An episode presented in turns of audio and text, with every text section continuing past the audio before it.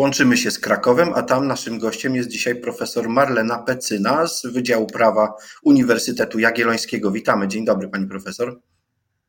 Dzień dobry, panie redaktorze. Dzień dobry państwu. E, spotykamy się po raz pierwszy w nowym roku, żeby porozmawiać o tym, jakie wyzwania przede wszystkim w obszarze legislacyjnym prawa cywilnego, którym pani profesor się zajmuje, ten rok nam przyniesie. Co pani profesor uważa za najważniejsze e, do zrobienia pierwszoplanowo, e, no z punktu widzenia eksperta z dziedziny prawa cywilnego w najbliższym czasie? E, tak, jest to dosyć istotne pytanie z punktu widzenia krajobrazu legislacji, który zastaliśmy po dniu 15 października rzeczywiście obudziliśmy się ze, z nadzieją na e, lepsze jutro. No niestety krajobraz po bitwie jest dosyć e, w tym zakresie skomplikowany. E, powiem tak, destrukcja, która nas dotknęła przez ostatnie 8 lat, rozprzestrzeniła się zarówno na płaszczyznę tworzenia prawa, stanowienia prawa, wykładni prawa, jak i jego stosowania. I rzeczywiście w odniesieniu do rozpoczęcia czy potrzeby rozpoczęcia odbudowywania tak naprawdę systemu, w pierwszym zakresie oczywiście konieczna jest e, ocena e, skali e, tej destrukcji. I ta ocena no, przez te lata tak naprawdę już była dokonywana, bo ona dokon była dokonywana zarówno przez naukowców, była dokonywana przez sądy, była dokonywana także przez trybunały, Trybunał Praw Człowieka, jak i Trybunał Sprawiedliwości Unii Europejskiej, także w odniesieniu do, do tego zakresu, o którym pan, profesor, pan e, redaktor wspomniał, czyli prawa prywatnego, szeroko rozumianego, którym ja się e, zajmuję. I teraz, żeby tak naprawdę odbudować system, bo on naprawdę jest zdestabilizowany, niespójny, w wielu zakresach niezgodne z prawem Unii e, Europejskiej, no przede wszystkim należy ocenić skalę tych, tej, tej destrukcji i potem podjąć niezbędne środki do, do, e, no, do zapobieżenia i, i do, do stworzenia tak naprawdę systemu, który będzie uwzględniał wszystkie e, reżimowe rygory związane też z prawem unijnym, które nasz system powinien uwzględniać.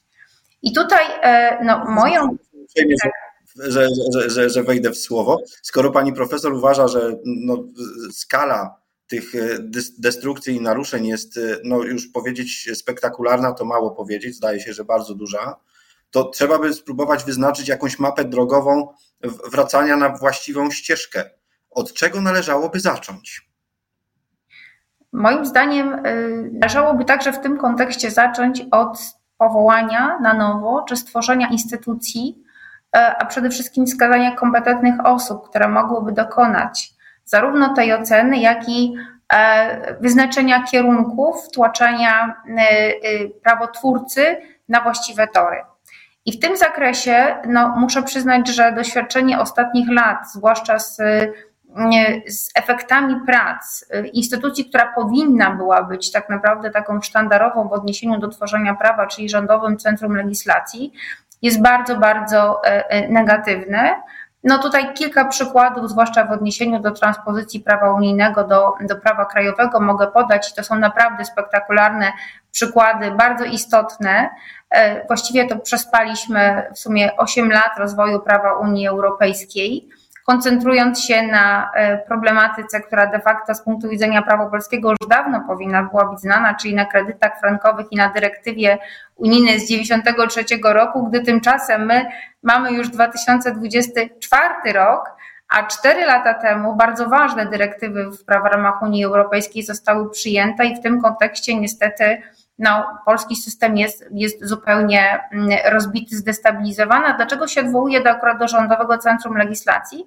Dlatego, że to akurat z, tamtego, z tamtej instytucji pochodziły bardzo e, negatywne i wręcz niezgodne z prawem Unii Europejskiej projekty, które także jako środowisko akademickie próbowaliśmy ratować, przedstawiając własne propozycje właśnie w ramach odpowiedzialności za polski porządek prawny w odniesieniu do jego zgodności z prawem Unii Europejskiej, ale to nie zostało przyjęte, więc w mojej ocenie przede wszystkim e, obsadzenie e, personalne kompetentnymi osobami, Takie, takie instytucje jak Rządowe Centrum Legislacji jest, jest konieczne. I dwa, to na co zwracałam uwagę, a sprawdziło się w Polsce jako polska tradycja legislacyjna od 100 lat, czyli komisje kodyfikacyjne, zresztą do których pan minister sprawiedliwości się odwołał.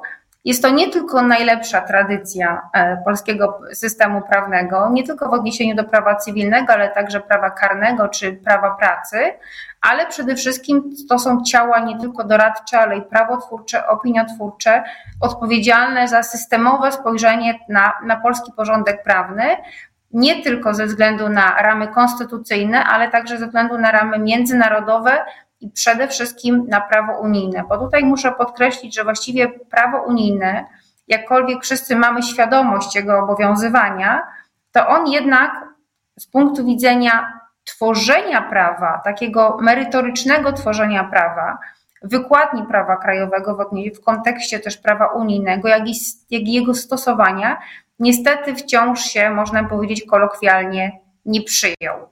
I tak jak mówię, e, nasz system e, e, prawny czy dyskurs taki publiczny koncentruje się na prawie unijnym, które no już obowiązuje w ramach porządku unijnego bardzo, bardzo wiele lat, a ciągle jesteśmy niedostosowani do, tego, do tych właściwie mm, już przyjętych przez prawo unijne regulacji, które już dawno obowiązują, a my już mamy kolejne, które już czekają i pukają do drzwi i powinny być transponowane. Ale właśnie, żeby te, ta transpozycja prawa unijnego e, mogła też zafunkcjonować w ramach spójnego systemu krajowego, to potrzebne są takie ciała eksperckie, które będą miały oczywiście współpracę tutaj z ministrem sprawiedliwości czy ministrem do spraw Unii Europejskiej, w ogóle tak naprawdę y, z rządem i będą miały przełożenie na ostateczny kształt prawa, które, jak, które potem trafi do, do parlamentu i będzie podlegało no, legislacyjnej procedurze jego stanowienia. I tu oczywiście podkreślam, że tej zgodnej y, z prawem, tak? Tak, tak, przepraszam. Mhm. Nie ma za co, absolutnie. Trudno się rozmawia zdalnie. Pani profesor, y, cofnę się na chwilę o kawałeczek y, do Pani wypowiedzi. Wspomniała Pani o poprzednikach z Rządowego Centrum Legislacyjnego, którzy przygotowywali ewidentnie niezgodne z unijnym prawem przepisy, a środowisko naukowe na to reagowało, e, przedstawiając, e, próbując ratować tę sytuację. O, o, o jakie przepisy chodzi? Chodzi tutaj o e, transpozycję dwóch dyrektyw, bardzo ważnych, tak naprawdę fundamentalnych, można powiedzieć, z punktu widzenia prawa prywatnego. Chodzi o dyrektywę 2019 przez 770 o dostarczaniu treści cyfrowych i i e, usług cyfrowych, jak również dyrektywę o tak zwanej sprzedaży e, konsumenckiej. Z punktu widzenia prawa unijnego to są naprawdę jedne z bardziej, bym powiedziała, podstawowych i fundamentalnie doniosłych aktów prawnych, które tak naprawdę powinny były wpłynąć w ogóle na system prawa prywatnego w Polsce, w szczególności na kodeks cywilny. E, no niestety e, tutaj e, projekt, który wyszedł z Rządowego Centrum Legislacji, no, został transponowany, znaczy właściwie zakładał i, i to się niestety dokonało, implementację dyrektywy do ustawy o prawach konsumenta. Powiem tak już wprost i krótko, w sposób zupełnie niezgodny ani z założeniami legislacyjnymi prawa Unii Europejskiej, już pomijam, że znowu rozbił system prawa prywatnego. W tej mimo wszystko jednak najważniejszej, e, najważniejszym zakresie zastosowania umowy sprzedaży, które dotyczy nasz, które, która dotyczy tak naprawdę nas, nas wszystkich, ale także w odniesieniu do szeroko przecież rozumianego, rozwija, rozwijającego się rynku e, treści cyfrowych. Także mówię, że my jesteśmy tak naprawdę nie straciliśmy tylko 8 lat, które w ramach, w czasie których nasz system był destabilizowany, ale kolejne 8, o które nasz system po prostu nie rozwinął. Jasne. Także tutaj, tak. Pani profesor, w takim razie to jest rzecz też jakoś do nadrobienia jeszcze w tym momencie. Mówi Pani o dwóch istotnych dyrektywach, Digital Act i ta sprzedażowa. Czy tu trzeba coś pilnie naprawiać, czy można poczekać, bo no, są pilne sprawy? No ja bym powiedziała, że no dyrektywy już obowiązują. Już pomijam fakt, że y, nasza implementacja weszła w życie rok y, później niż powinna była zgodnie z wymogami dyrektywy. natomiast one obowiązują, ale ich wykładnia, znaczy wykładnia prawa krajowego i stosowanie jest bardzo, bardzo trudne, dlatego że znowu jest związane z koniecznością podjęcia próby wykładni prawa polskiego w zgodności z prawem unijnym, co nie jest łatwe, wiem, bo przygotowujemy komentarz do tej regulacji, właśnie, żeby być może jakieś światło tutaj pokazać, ale w większości przypadków e, ta właściwie ocena opiera się na jednoznacznym stwierdzeniu niezgodności. I w związku z tym no, pilność polega na tym, żeby nie tylko w odniesieniu do tych dyrektyw, ale jednak powrócić do koncepcji spójności systemu prawa cywilnego, i e, uregulować e, i w zasadzie dokonać poprawnej implementacji tych dyrektyw, tak zwanej reimplementacji do kodeksu cywilnego. To tak zwana reimplementacja nie jest czymś nowym, bo wcześniejsza dyrektywa z kolei unijna z 1999 roku, która początkowo była implementowana do ustawy szczególnej, po 12 latach była reimplementowana do kodeksu cywilnego, i w zasadzie to był dobry, dobry kierunek do, do nowych zmian w ramach struktury kodeksu cywilnego, która też nie była tak naprawdę, y, nie jest też taka otwarta, jakby tego prawo unijne oczekiwało z punktu widzenia prawidłowości implementacji, ale mimo wszystko, jeżeli kodeks miałby obowiązywać, a dyskusja o nowym kodeksie została odłożona, to było to tak zwane mniejsze zło, abym powiedziała, była szansa na poprawną implementację, natomiast teraz niestety system jest oparty na, y, na, na, na AHOS-ie. Zresztą to nie dotyczy tylko, bym powiedziała, kodeksu cywilnego, ale kodeks postępowania cywilnego, który był implementowany ponad 200 razy. To jest po prostu system, który się w żadnym zakresie nie mieści e, w ramach oceny zgodności nawet tego konstytucyjnego prawa do sądu bo tam są instytucje czy tryby postępowania, sposoby postępowania, e, które no, nie odpowiadają tak naprawdę ani standardom konstytucyjnym, ani standardom międzynarodowym. E, w związku z tym, no, bym powiedziała, że wymaga e, równie pilnej reakcji. Podobnie mamy zresztą do czynienia ze sprawem karnym, zarówno w odniesieniu do prawa karnego materialnego, jak i prawa karnego proceduralnego.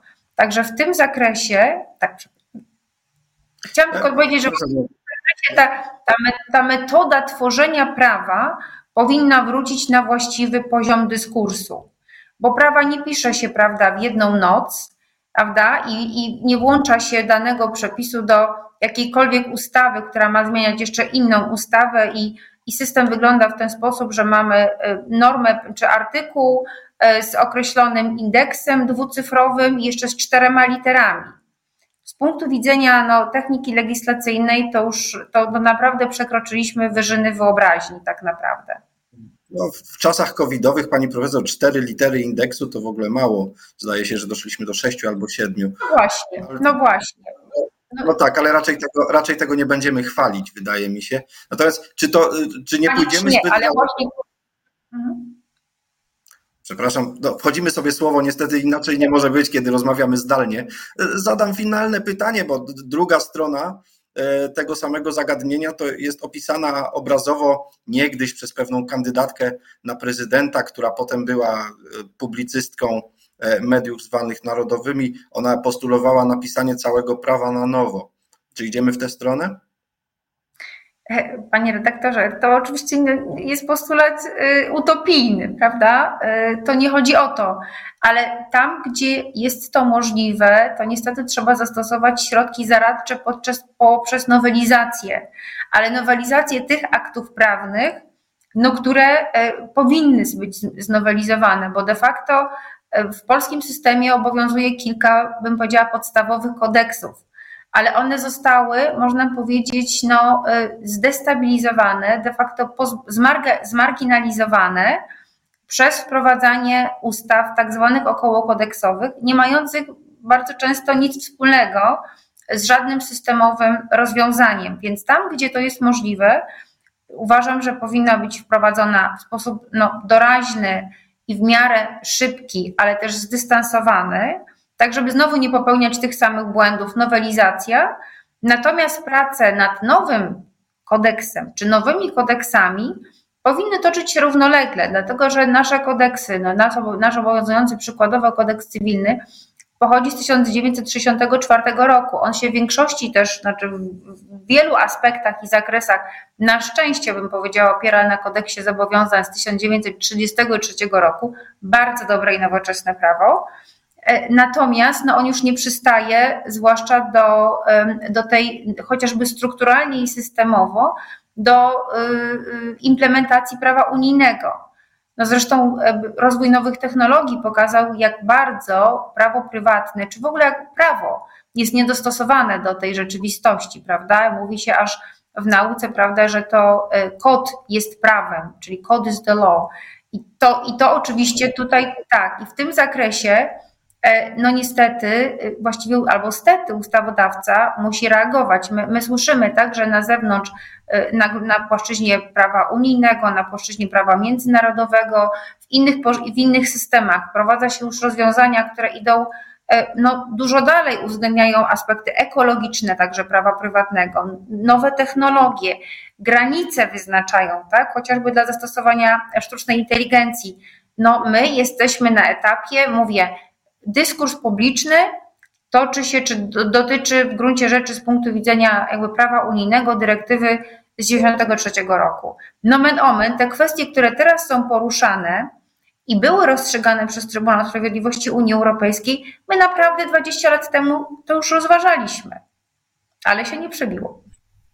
No tak, trzeba będzie wrócić do kilku rzeczy. Bardzo się cieszę, że na koniec zacytowała pani profesor Code is the law, bo to jest zdanie, które wypowiada Keith Richards w Piratach z Karaibów, kiedy przywołuje się, przywołuje się e, w rozmowie, na jakich zasadach mają ustalać podział łupów. Bardzo nam to fajnie wyszło. Uprzejmie dziękuję za to spotkanie. Wszystkiego dobrego w nowym roku. Pani profesor Marlena Pecyna, Uniwersytet Jagielloński, adwokatka, była naszym gościem.